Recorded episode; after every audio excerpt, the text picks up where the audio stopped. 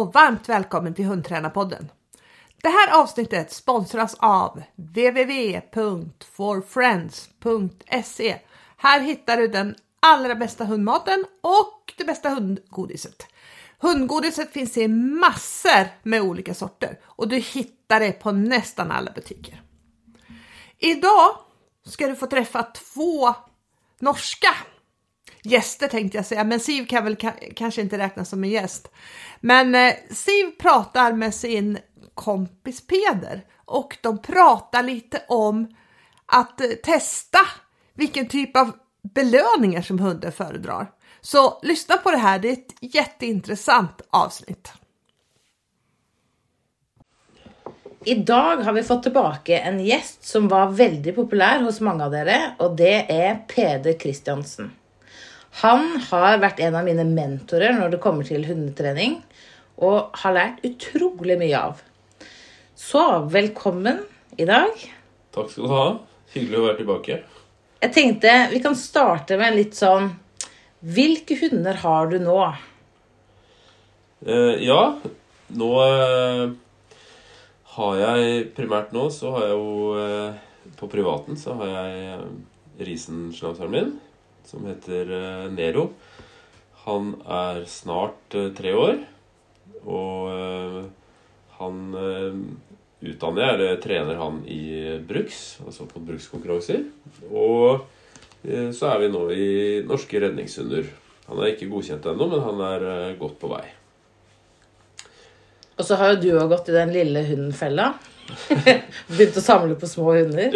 Ja, det, det har jeg. Jeg har en uh, tysk uh, Jeg har jo faktisk hatt uh, små hunder før. Har du det? Jeg har jo hatt en jaktkokker blant annet som ikke var så stor. Ja, det har du, ja. Som kanskje du husker, som het Lille My. som heter Lille My. Ja, hun har jeg jo for så vidt fortsatt, men hun er jo mye hos min mor, da. Som er, de er på en måte pensjonerte begge to. Men ja, jeg har også fått meg en tysk jaktterrier. Som er en utrolig spennende rase. Det er jo en eh, hund som jeg har vært nysgjerrig på i mange år. Um, og så ble det sånn nå at det, det passet. Så eh, hun fikk jeg også uh, i fjor uh, tidlig sommer, var det vel? For jeg er jo ett år nå. Snart. Ja. Så det er uh, Folk spør meg en del om den ja, for det lurer jeg veldig på. Hvordan er liksom hun i forhold til de andre du har hatt? Syns du det er noen forskjell på å ha liten hund eller stor hund? Ja, det er det. Det er forskjell å ha og kan du si Hun er nok mer annerledes hund enn det sånn i liten pakke enn det kokkeren var. Kokkeren følte den oss eh, kanskje litt mer som en, en eh, større hund i kroppen. Mens hun her er jo veldig liten. Men eh, hun er jo absolutt ikke liten til sinns. Nei, for jeg har skjønt at du bor ganske mye i henne. Det gjør det. Og jeg, det er mange som spør meg er det så altså Ordet de bruker, da, er jo ille. Men altså, de spør jo er det så ille som man hører. Ja, for det som liksom definerer det, eller som er med de, de har jo ekstrem jaktlyst, har de ikke det? Jo. Ja. Og egentlig på, på alt. Og du kan jo Når vi snakker om jaktlyst, så er det jo viktig å liksom definere Det er alltid litt sånn i hvilket fora man snakker. Det snakker man jaktlyst i eh, med brukslyd, folk, tjenestefolk, så tenker man jo da på liksom noe som triller.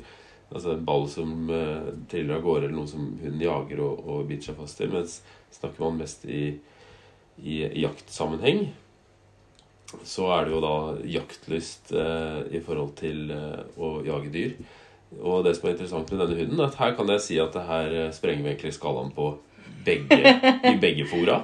Så det er, eh, det er eh, full rulle på både jakt av kunstige objekter og full rulle på jakt av det aller meste av vilt. Så ikke en hund du liksom rusler en rolig søndagstur med løs? Nei, nei, nei. nei. Det, jeg kan trene løs med henne eh, relativt mye. Sånn, og når jeg sier trene, så tenker jeg sånn Hvis jeg vil trene apporteringer, trene litt fot, eh, gjøre disse tingene, det kan jeg gjøre med henne løs, faktisk. Også til og med i skogen. Eh, fordi jeg har jobbet med det.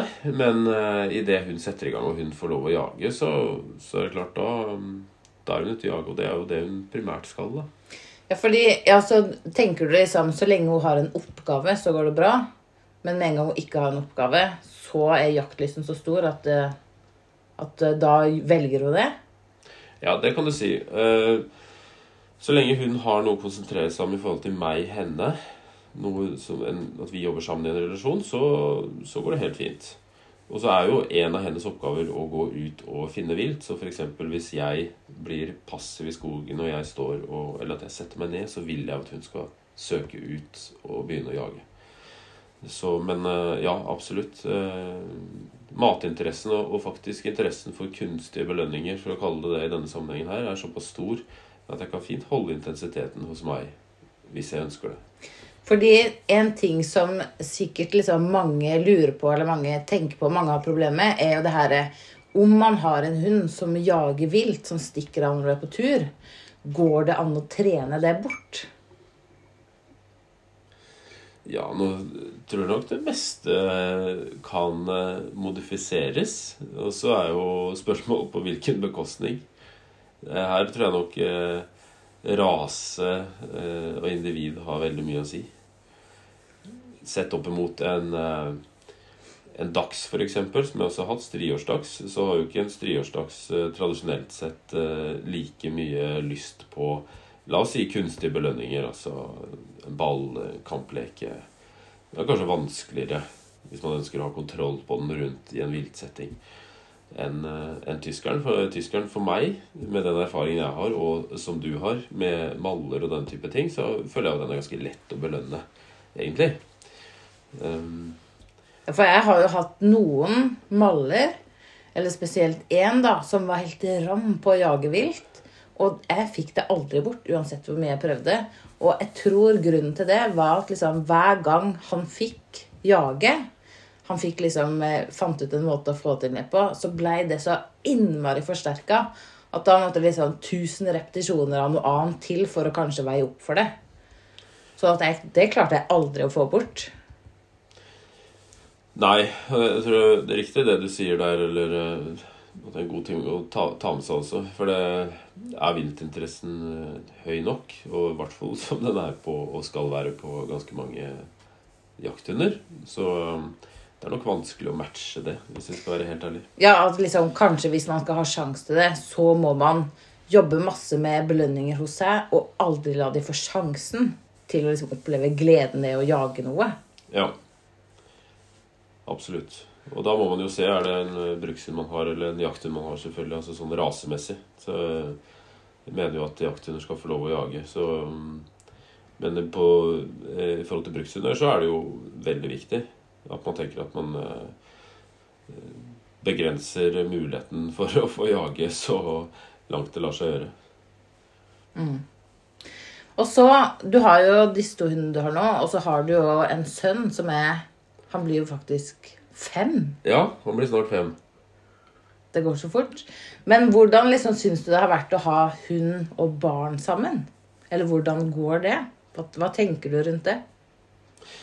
Ja, det hos, eh, Hjemme hos meg så og Eller hjemme hos meg og han, da, så har det jo egentlig det gått eh, veldig bra, sånn hvis vi tenker på relasjonen mellom de.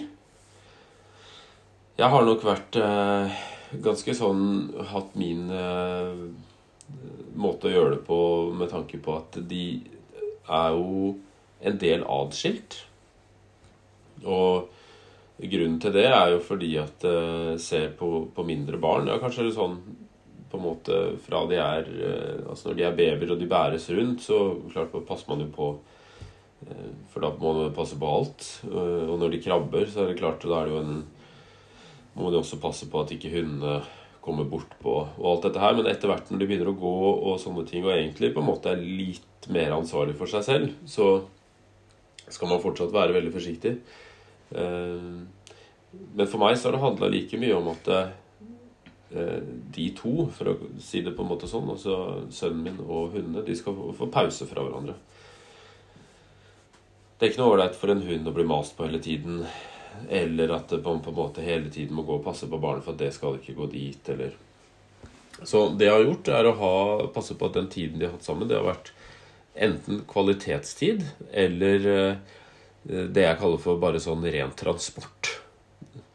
Og kvalitetstiden vår, det er på en måte at uh, vi er ute og går tur, eller at han får kaste litt ball med de.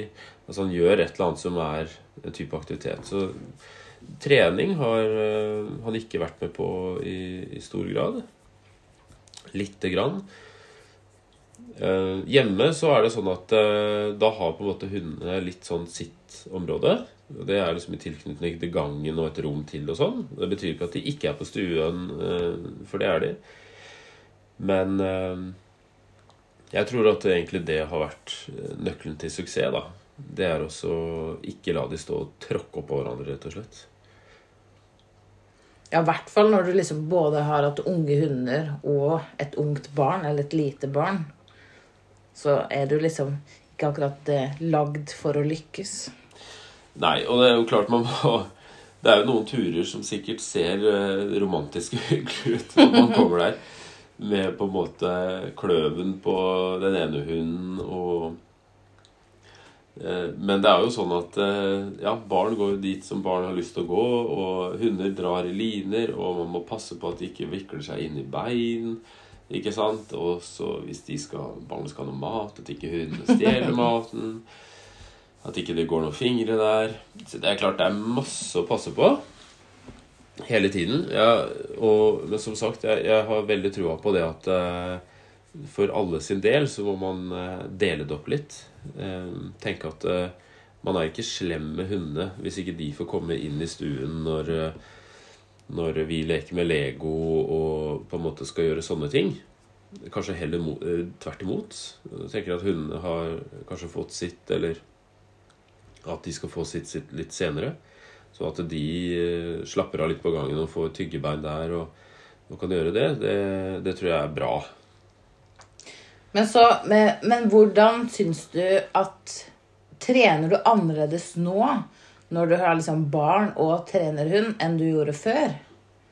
Fordi det blir jo naturlig sånn at man får trent mindre når man har andre ting. Ja, det er klart uh, før så trente jeg jo ufattelig mye. Eh, og det er jo fortsatt det som tiden min eh, vies til når jeg har min egen tid. Så eh, treningstiden på hundene har jo selvfølgelig gått ned. Eh, det er litt mer eh, hverdagslig fokus, kanskje, nå. Altså viktigere nå enn før. Og så bor man litt annerledes enn man gjorde før når man bare bodde i skogen og kunne løpe overalt. Så at det hverdagslige lydigheten har nok fått et større preg. Um, Men da skal vi spørre, merker du noe forskjell på den andre treninga nå når du har fokusert mer på hverdagstrening? Eller føler du at det er det samme? Du har jo alltid hatt bra kontroll på dine hunder, så du har jo alltid hatt bra hverdagslydighet. Ja, det som eh, ja, Hvis jeg skal være kritisk eh, til meg selv, og det skal man jo være, så, så tror jeg nok det at uh, før Og så er det jo Man går gjennom faser i det å trene hund. Men jeg tror nok en del, hvis jeg ser tilbake på noe av treningen min, så er det nok klart at ikke nødvendigvis hva jeg gjorde, at jeg er uenig i det nå. Det er jo selvfølgelig elementer av det òg. Men mengden til tider jeg kunne nok helt sikkert skrudd litt ned også. Jeg tror at Mye av det handlet egentlig bare om at jeg syntes det var gøy å trene, og at man repeterer ting. Så man blir jo god selv, som også er en viktig del av det å trene hund. Det å trene seg selv. Jeg har jo eh, Hunden jeg har nå, går jo ikke noe i veien for de resultatene som jeg hadde før heller. Altså jeg tror eh, Tvert om, jeg tror jeg kommer med en enda bedre hund nå, håper jeg jo, enn det jeg har vist før. Så eh, ja, de går i hvert fall hånd i hånd. Og så eh, Du har jo vært her nede fordi du har vært og tatt Er det de første prøvene for å bli godkjent redningshund? Du har tatt nå? Eh, nei, ikke helt. Ikke de aller første. Nå, nå hadde vi i går kveld så eh, fikk vi sjekket ut eh, mørkesøk, som gikk veldig bra. Og da i forhold til det som nå er det nye programmet i NRK, så er vi da liksom klare for å ta for oss eh, Vi er ferdig med alt som eh, er opp til da modul 3, eller vi skal da liksom ta for oss modul 3-øvelsene nå, da. Som er steget før den hovedgodkjenningen. Ok, Og hva, hva, hvilke moduler er det da? Hvilke deler? For det vet ikke jeg. Nei, nå det starter jo da på en måte med modul 1. 1 til 4, sånn veldig grovt sagt, da, kan vi si. Hvor eh, den første modulen handler jo en del om hundefører. Du må gjennom et grunnkurs og, og sånne ting. Og da er det sikkert noen eh, NRH-ere med mye lengre erfaring med meg som vil eh, kanskje arrestere meg på noen av detaljene, men det får så være.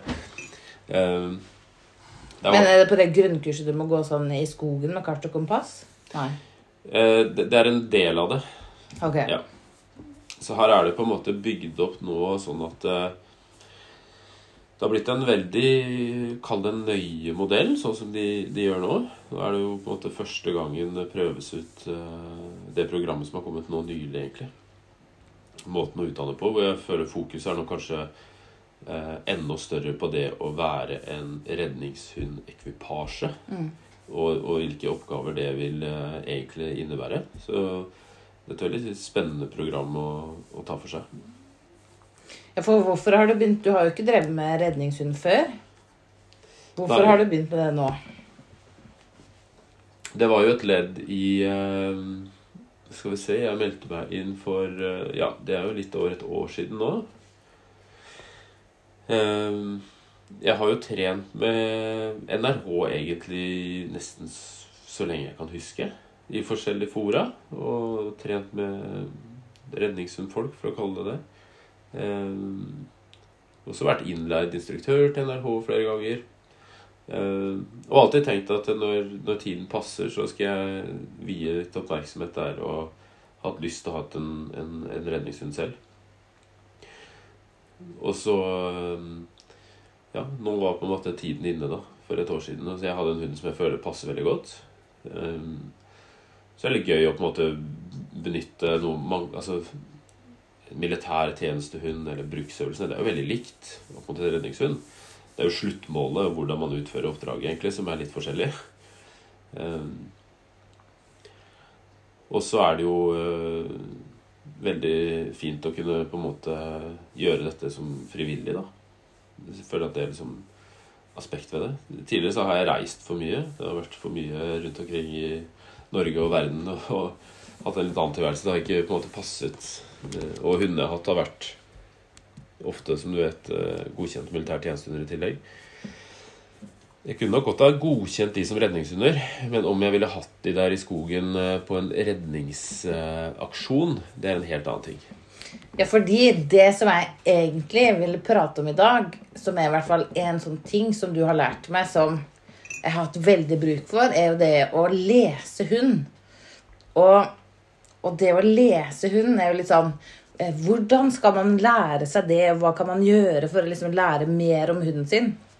For én ting er jo sånn teknisk hvordan man skal trene inn forskjellige øvelser, men det å bli kjent med hunden sin, sånn at man kan legge til rette for trening videre og ja, se hva den passer til, kanskje. Og, jeg husker jo eh, Nå husker jeg ikke hvor lenge siden et par år siden du var nede og holdt et kurs.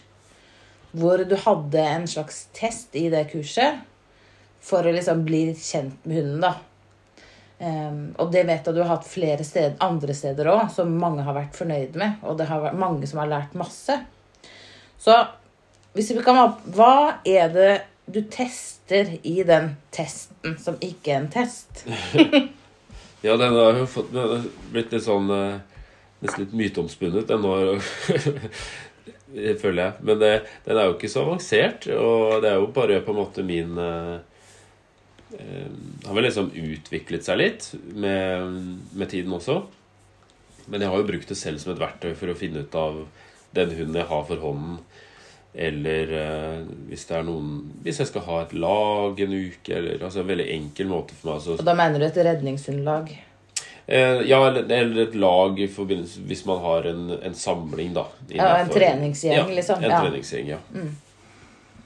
Så eh, Ja, så det har vært egentlig et sånt verktøy for å prate med hunden. Altså Hundene våre de snakker jo ikke på en måte vokalt, som vi gjør, så, men du kan jo teste og, og gjøre ting som gjør at de snakker, og da snakker de ofte ganske ærlig. Det er jo fordelen. Hvis du stiller de riktige spørsmålene, så får du gode svar, føler jeg. Ja, for jeg syns jo at når vi tok den testen, at jeg kjente på noen av punktdatene at vi fikk et svar, og så hadde jeg lyst til å si ja, men det var bare pga. sånn og sånn, fordi jeg ville egentlig at hunden min skulle få et annet resultat. Ja. Eh, Men, men hvilke ting er det du tester, da?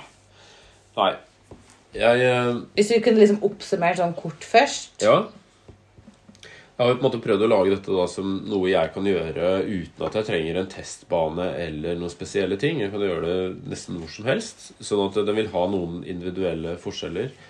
Og man må liksom bruke det man har for hånden. Sånn eh, Og kort fortalt også så handler jo dette veldig mye om belønninger. Sånn altså For en hund skal da jobbes med i denne sammenheng. Dette er ikke på en måte en mental test, selv om mye av det her er jo selvfølgelig mentalt. Ja, for det som jeg syns er så fascinerende, er at man kan lære så mye av hunden gjennom å finne ut av hva slags type belønninger de liker. Og dette er jo liksom på et helt annet nivå enn å bare se vil du ha denne eller denne godbiten eller denne eller denne leiken. Ja. Så det som jeg begynner med, er eh, at uh, hundefører kommer uh, til meg med hunden sin. Litt åpen plass, men altså den, det kan være en sti eller innen en hundehall for den saks skyld. Og uh, hvis hunden vil ta litt kontakt, så, så kan jeg ta litt kontakt. Si hei, på en måte, uten å gjøre noe sånn stort ut av det. Hvis hunden ikke vil ta kontakt, så også greit. Eh, Det første jeg skal se på, det er at jeg skal eh, se på jakt, som også for så vidt er på mange andre tester av sånn mentaltester og sånne ting. Eh, Det som jeg prøver å definere her, det er at når vi skal se på jakt, eller vi skal se på kamp eller bytte, eller hva vi skal se på, så skal vi isolere det. Og det er liksom det som er hele troppen gjennom testen. da, Finne ut hva som egentlig er hva. Eh, Veldig ofte når vi belønner en hund, så er det egentlig et sammensurium av mange ting. Det er litt sosialt, det er litt kamp, det er litt jakt. Så her prøver vi å skille, og det kan være utrolig lærerikt faktisk å se. Og hva er jaktlyst, da? Ja. Så først så skal vi se på jakt. eh, Og jakt i denne sammenheng, det handler om eh, hundens vilje til å jage noe. Og for å se på jaktlysten så skal vi også ha klart for oss hva som er sluttmålet til jakt. Og sluttmålet til jakt det vil jo være å gripe. Ikke sant? Ta det i munnen. Ok, Så jakt er springe etter og gripe. Ja. Eh, Jeg begynner med at eh, jeg stiller meg med litt sånn ryggen til hund og fører. Jeg har en ball i hånda. For når jeg skal gi påvirkning på jakt, så må jeg huske at jeg skal stimulere jakt, og ikke så mye annet. Så jeg, jeg prøver ikke da eh, fronte hunden og by på meg sjøl, men at jeg bare kaster eller spretter ballen, så at fokus er på ballen. Og så gjør jeg et litt sånn balansert kast, eh, kall det trilleren, eh, bortover. Her sånn så må man huske på at det skal være litt fart, for det er jo det som lager jakt. Så hvis du har et veldig svakt lite kast, så får du ikke ordentlig jakt heller. Så den skal bevege seg. På det første så slipper vi hund idet ballen treffer bakken. Og vi skal være helt passive, helt stille. Hun la, hvis hun velger å løpe etter, så er jo fortsatt stille idet hunden eh, kommer til ballen. Om den tar den i munnen eller tar den med labbene, det sier oss jo en del i forhold til jaktlysten. Men i hvert fall så skal vi Hva da? Hvis den tar den med labbene, så Ja, det skal jeg komme tilbake til. Ja, ok. Men det som er viktig, det er at vi er helt passive, helt stille. Her er det jo mange hundeførere som er liksom, å, bra, fin, eller begynner å åpne. Her skal vi være helt passive. Grunnen til det er for vi skal se hva hunden gjør, seg, gjør av seg selv etter den har grepet ballen. For da er den jo inne i en ny funksjon. Du kan si det sånn at eh, en hund med mye jakt her, uavhengig miljø eller hvor du er, vil jo helt responsivt eh, eh, få en klar atferdsendring på jakten. Altså Den blir intens, og den har lyst til å jage etter. God jaktlyst vil jo også generere et godt grep inn i det objektet som du har kasta, om det er en ball eller en kong. Hvis hunden eh, kommer med labbene, så er det ofte en indikator på at kanskje ikke jakten er like stor. Altså god jakt, sluttmålet, det vil være å gripe. Men da, fordi den siste mallen som jeg hadde, han gjorde det. Sprang etter i full fart, trampa på den med labbene, og så tok han det. Men det er òg en av de mallene jeg har hatt som har vært lettest å ha løs i skogen. og ikke få til å lage? Tror du det henger sammen? Eller er det to forskjellige ting? Eh, Det, kan nok eh, henge sammen. Eh, Samtidig så, så trenger det ikke nødvendigvis å gjøre det. For at vi må se på hva som er på en måte vitring av vilt. Det i seg selv kan indikere en jakt. Men det er klart ja, Hvis han har litt lav jaktlyst, så eh, kan jo det hjelpe på. Og For da er vi jo inne i neste fase. Det høres ut som den mannen hadde kanskje mer bytteinteresse enn han hadde jakt. Ja, fordi her, når jeg testa en av mine gamle hunder, når du gjorde det, så husker jeg ikke hva som skjedde om den ikke tok den. Og så sa jeg ja, men hvis du tar en annen leike og kaster, da vil den ta. Ja, Og da eh, sa du at det er jo ikke noe som er bra eller dårlig, Nei. hvis jeg husker rett. Vi skal jo liksom bare se hva den har, og uansett hva At du kan forklare det bedre enn jeg kan. Men at uansett hva vi kaster, hvis hunden har høy jaktlyst, så tar den det. Ja. Absolutt. Og hvis dere ser hunder med ordentlig god jakt, eh, vil jeg tre trekke frem en del eh, schæfere, faktisk. Som har veldig sånn på godt og vondt til tider. Men altså idet det får bevegelse, og det går av gårde, så får du en umiddelbar reaksjon. Altså Det er ikke noe hunden reflekterer over. Da er det Ikke sant? Og så drar av gårde. Sammen med jaktherren. Klarer ikke å styre seg. Og det, det vil, du, du vil se det. Det er ikke et valg hunden tar. Har du en veldig god jakt, så kommer det automatisk. Og så slipper du den. Eh, du tar, tar neste, hunden går etter. På første så vil jeg at fører skal være passiv, og det er fordi at da, idet hunden griper, så er vi litt mer i en byttefase. Hvor vi ser på hvor hunden virkelig har lyst på å bytte i seg selv. Da, uten innblanding fra hundeføreren, så kan vi se litt hvor gøy er dette byttet i seg sjøl. Hvor lenge holder hunden det? Og her har jeg ikke noen fasit i forhold til klokka, men jeg lar det gå et par minutter i hvert fall. Hvis jeg har en hund her som har veldig høy reaksjon på jakten, eh, og løper umiddelbart etter, griper, men som kanskje slipper ganske fort og lar seg forstyrre andre ting, kan det gi meg en indikator på Ikke at jeg på en måte skal eh, sette hunden i bås for tidlig. Men det kan ofte kanskje være et hund som jeg kan spekulere litt i om Den er kanskje litt vanskeligere i, i eller få til å konsentrere seg. For at her vil den jo reagere veldig hurtig på ting som har aktivitet. Men så er den ikke så interessert i objektet når det er rolig, og det å jobbe for det uten at du kaller det er under påvirkning, som tross alt en jakt er. Og kan man da, for det er jo noen hunder som oppleves som at det er veldig vanskelig å belønne, eller tungt å belønne, da, for man må gi så mye hele tida. Og det er kanskje en sånn hund da, som har mye jakt, men lite bytte. Det kan fort være en indikator, ja. Det Absolutt. Fordi jeg har jo hatt noen hunder som det er bare å gi de gjenstanden, så er de fornøyd. Ja. Og da kan jo jeg være mye mer passiv når jeg trener. Det er jo litt sånn latmannsmalle, som jeg kaller det. det er jo, det er jo en hund du slipper å gi så mye av deg selv av. ikke sant? For at det, objektet i seg selv, altså kongen, da, eller ballen for å kalle det det, er jo gøy i seg sjøl. Det er ofte hunder som vi prioriterer sånne type hunder til søk, f.eks. Eksplosiv søk eller Fordi jeg har, noen av de hundene jeg har hatt, har nesten vært for lett å belønne. For min smak, da. At det blir litt kjedelig. Fordi jeg syns det er veldig gøy å kunne løpe litt og gi litt av meg sjøl. Eh, mens kanskje andre passer bedre til en hund hvor de, bare, hvor de ikke behøver å være så aktive. da. Så det er jo litt, Men kan man se det her tidlig når valpene er små? Eller ser man det mer når de blir eldre? Kunne man liksom testa dette når valpene var små, for å se at ja, den ville ha, den passer ikke, eller Du kan nok teste noe av det. Eh, Her er det nok veldig avhengig av rase. Veldig ofte så kan du teste maller. Er jo enkle å teste tidlig. Eh, Samtidig så skal man også huske på det når det kommer til Malner, at det er fordi at kamplysten er så stor, eh, og jakta er så stor, ofte. Så det var en god oppdretter som sa til meg i Belgia en gang at eh, ja, men hvis du ser på et malekull når de er mellom seks og, og ni uker, så er bra alle sammen. En måte. Det er nesten viktigere å se på den under ni måneder. Ja. Så, for da kamper de alle sammen, og det ser fancy ut. Alle kan løftes, og hvis du kan litt teknikker, så kan du bygge opp den kampen veldig fort på en liten malevalp. Og, og du kan gjøre nesten hva som helst med den. Men eh, for å gå videre til testen igjen, så har vi jo eh, tilbake. Eh, så gjør jeg da eh, et kast til.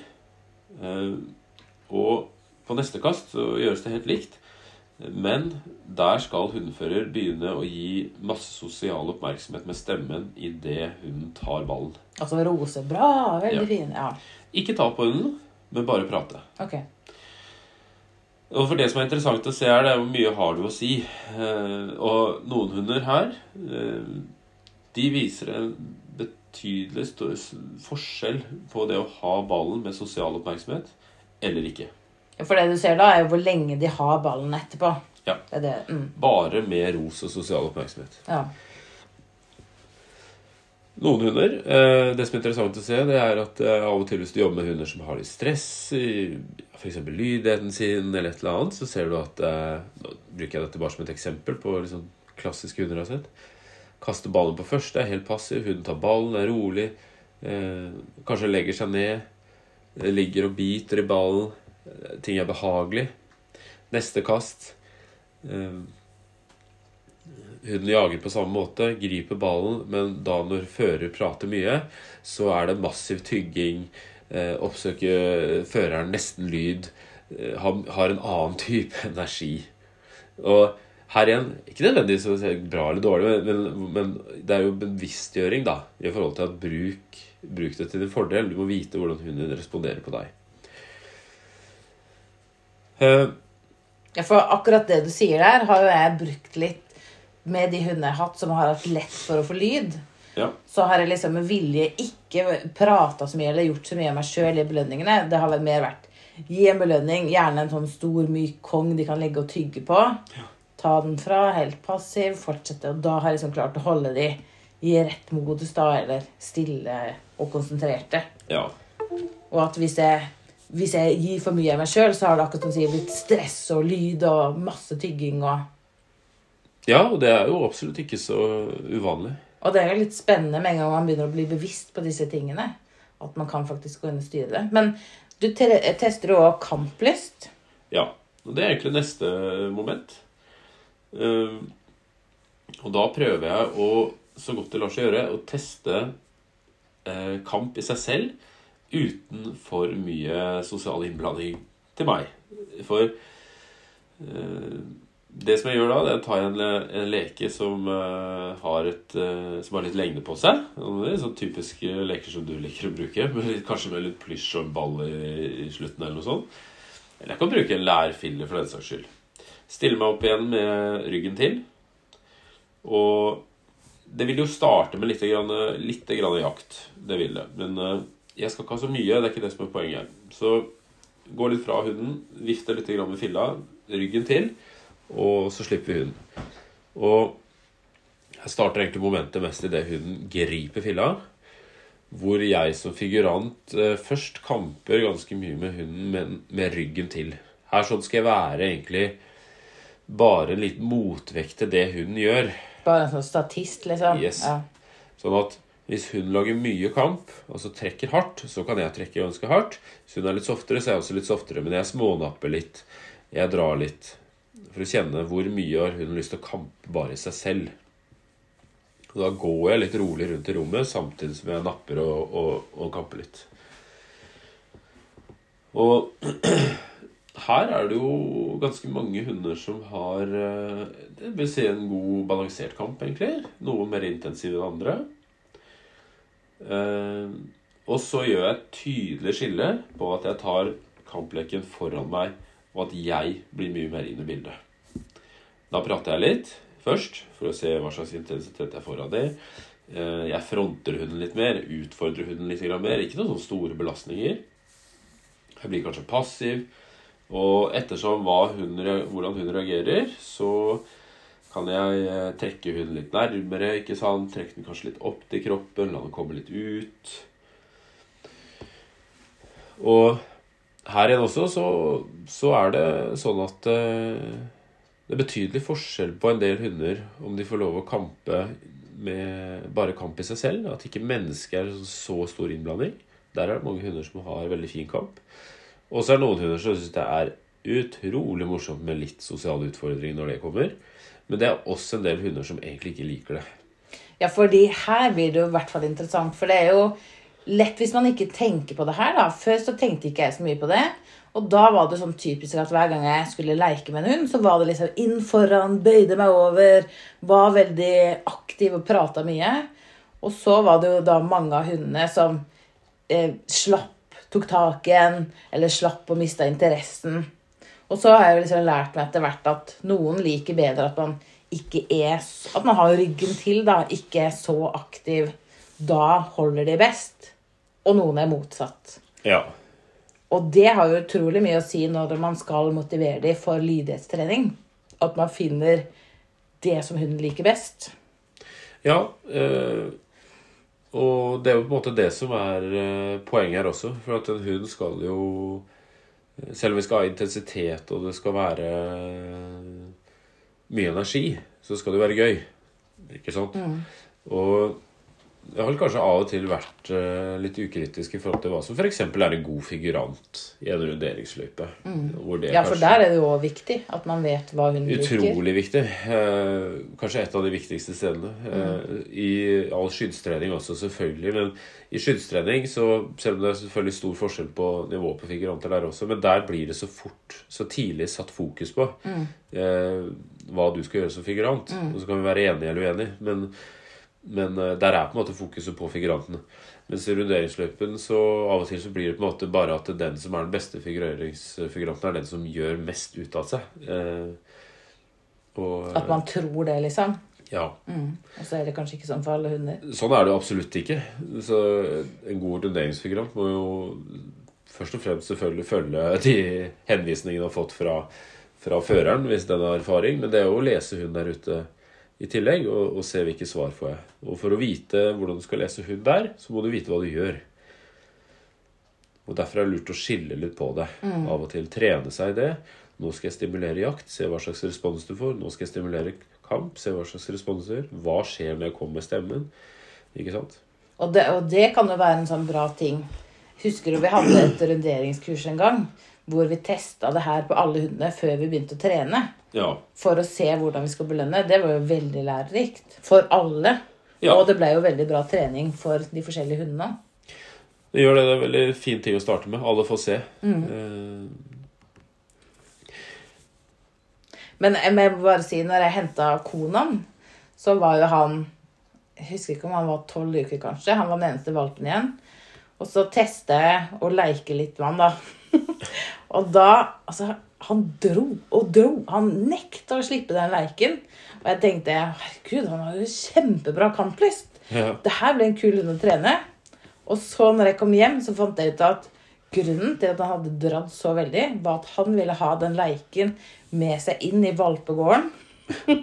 og når han da, når jeg trente hjem og han fikk det, da var han fløyd. Ja. Da ville han ikke gjøre det igjen. Ja. Da hadde han jo fått det han ville. ja. Og da var han heller ikke interessert i leiken. Så kan man liksom si Tror du det er noen hunder som liksom At største motivasjonen er litt sånn omvendt psykologi? Du vil ikke at jeg skal gjøre dette. Da skal jeg gjøre det. Du vil jeg skal gjøre det? Ja, da vil jeg ikke gjøre det. Jeg tror Jeg tror i hvert fall at en del hunder kamper for å få byttet sitt. Ja, ikke for å kampe i seg Ja, absolutt. Altså, jeg har to av de mallene som jeg har hatt som folk eh, kjenner meg mest for, kanskje. Emil, som var da konkurrerte i, i Mondering, som, og, som jeg hadde som militærtjenestehund. Og en, et avkom av hans sønnen hans, Viggo, som eh, da konkurrerte svensk skydd med, og, eller nordisk skydd, da, og eh, og hadde også som militærtjenestehund. De var jo litt forskjellige typer. Eh, Viggo var glad i å kampe. Han, han var glad i å kampe for å kampe. Han. Og takket aldri nei til en kamp. Eh, Emil, eh, som hadde et heftig skyddsarbeide, kampet og syntes selvfølgelig det var gøy, men han ville egentlig ha byttet sitt, bare. Så eh, hvis du så på han i, i, i skyddsammenheng, så var det én ting, men hvis du så på han i en runderingsløype, og du skulle kampe med Kong, så var det nesten mer sånn tilhørt kamp. Altså, ja, han dro litt og sånn, men han ville egentlig bare ha kongen. Eh, ikke sant? Og Men her- da hadde han liksom stor byttedrift. da, sånn at når han fikk kongen, så var det, gikk han og bar på den lenge. Ja. Det var på en måte hans eh, Mens Viggo ville jo heller oppsøke deg med kampen og Ja. kampe mer. Ja, ja. Og ville jo nesten da egentlig kampe med deg, eller, eller bruke deg som en kampfiller hvis ikke du ville sette i gang kamp. Så det, eh, og av type hund eh, til sport, så ville jeg nok valgt den første typen. Den er jo enklere Ja. å holde på med. Og så den siste tingen som du tester i denne testen, det er jo liksom matlyst. Eller du kaller det kanskje noe annet, da, men Ja. Jeg har eh, lagt på et par momenter til også, men vi, vi kan ta den primært. Eh, den her vokste egentlig litt fram, det momentet her, fra at jeg eh, så på folk trene i en eh, eller litt sånn krevende lydhetsbane, hvor de hadde tenkt til å drive shaping, eller måtte veldig lydhetstrening på et veldig sånn hvor hun skal tilby eh, tilby atferder. Eh, Som i og for seg er bra trening. Eh, Det som kan være krevende med det, det er jo at det kommer veldig an på miljøet du gjør det i, og forventningen hun har der. Så jeg tenkte hvordan skal jeg illustrere dette her, ikke sant? Så det jeg gjorde, var å lage noen momenter som eh, gjør det veldig åpenbart for hun, eh, hundefører hva hun egentlig vil. Så vi starter med å ta med hunden i bånd, uten noe kommando, Eh, Og dette da gjøres etter disse momentene med kamp. Altså alt det her gjør jeg i én sleng. Eh, Tar en matskål og har noe god mat. Går ut til midten av det punktet jeg skal teste, altså om det er midten av lydespann eller halv eller hva det er. Eh, Holder hunden i lina, sånn at eh, den ikke får muligheten til å gå opp i skålen. Og kaster mat, en betydelig stor håndfull, opp i matskålen. Uten å si noe. Eh, tar med hunden rolig vekk, og går da ca. Ja, 20-30 meter vekk, kanskje. 20. Og kobler av hunden. For det vi har gjort nå, vi har gitt påvirkning på eh, mat, men eh, helt passivt, på en måte. Nå får jo hunden da velge. Vil den gi, for å bruke hundehall som et eksempel, vil den i hundehall, eller vil den løpe til maten? Poenget her er jo allerede at hvis den ikke løper til maten her, eh, og du har trengt å kjøre passiv Kall det shaping inni hundehallen hvor du ikke skal gi noen påvirkninger eller stimulere hunden inn i en atferd, eh, men hunden din ikke løper til matskålen som er åpen der hvor maten ligger, så kan jeg jo fortelle at den treningen ikke kommer til å gå bra. Eh, Men ok. En del hunder, de aller fleste, de eh, løper kanskje bort til matskålen. Her sånn så er det veldig interessant å se, for vi skal se hvor lenge hunden spiser.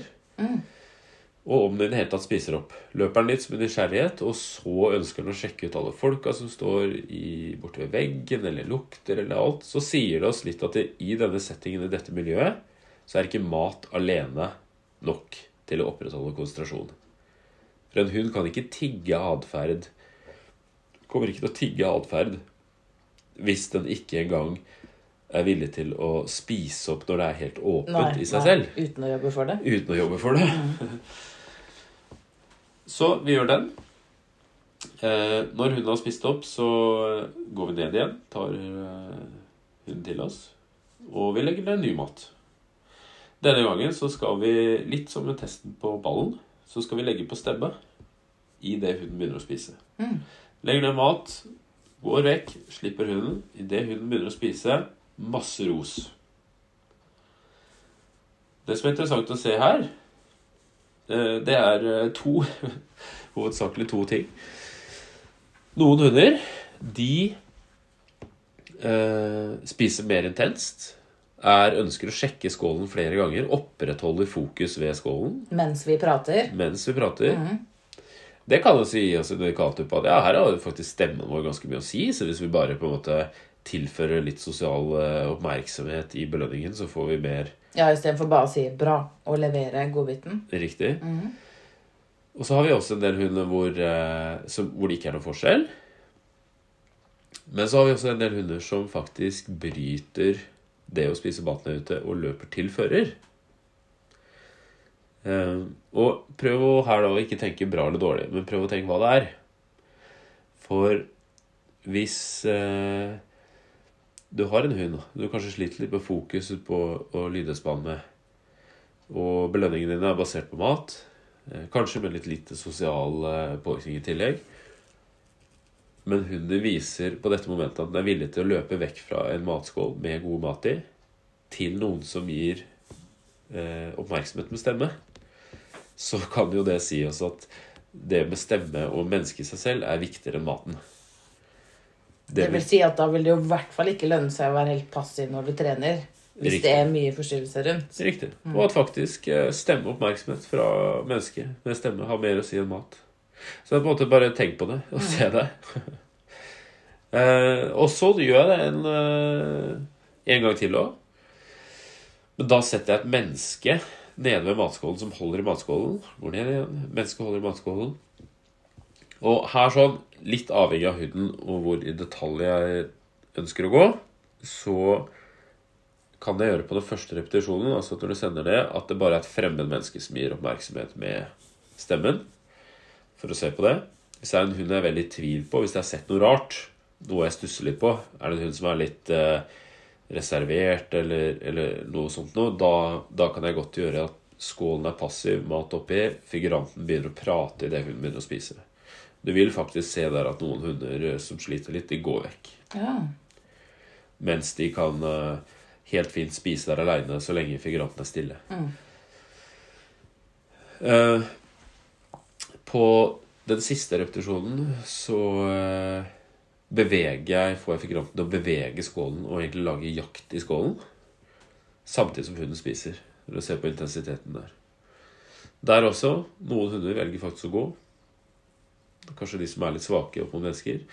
Mens en del hunder syns det er mye mer spennende og faktisk jager den skålen i seg selv etter den er tom, mye lenger enn at de ønsker å sjekke skålen når den bare var passiv. Og det sier oss jo av og til at for å få konsentrasjon, så må vi ha god motivasjon. ja. Ikke sant? Jeg mener jo at konsentrasjon og motivasjon det går hånd i hånd. Så eh, på disse momentene så Vi har lagt på noen til, vi kan ta disse i all hovedsak. Så får vi et ganske godt bilde av hunden sin, eller på en måte en ukjent hund. da. Ja, for det som jeg syns er så bra med disse tingene du har prata om nå, er jo at det er jo ganske enkle ting å teste. Det er ikke alltid så enkelt å lese resultatet da, hvis man ikke har med seg deg på sidelinja som kan hjelpe å tolke og forklare. Men du får i hvert fall et visst bilde av hunden din. Liksom, hva er styrker og svakheter? Hvordan skal jeg legge opp belønningene, da, spesielt når jeg trener, for å få fram det jeg vil ha? Og ikke minst da konsentrasjon, som er jo en ting som mange sliter med. Få hunden til å ha fullt fokus med mye forstyrrelse rundt. Så er jo dette gull verdt. Men vi må dessverre avrunde fordi vi skal ut og trene. Ja, det skal vi. Men tusen takk for at du ville komme tilbake. Det her var kjempebra. Jeg håper at eh, alle dere som hørte på, fikk litt ny inspirasjon og litt nye tips. Og så håper jeg du vil komme tilbake en annen gang og prate videre, for vi har jo masse vi vil prate om. Det skal vi helt klart eh, gjøre.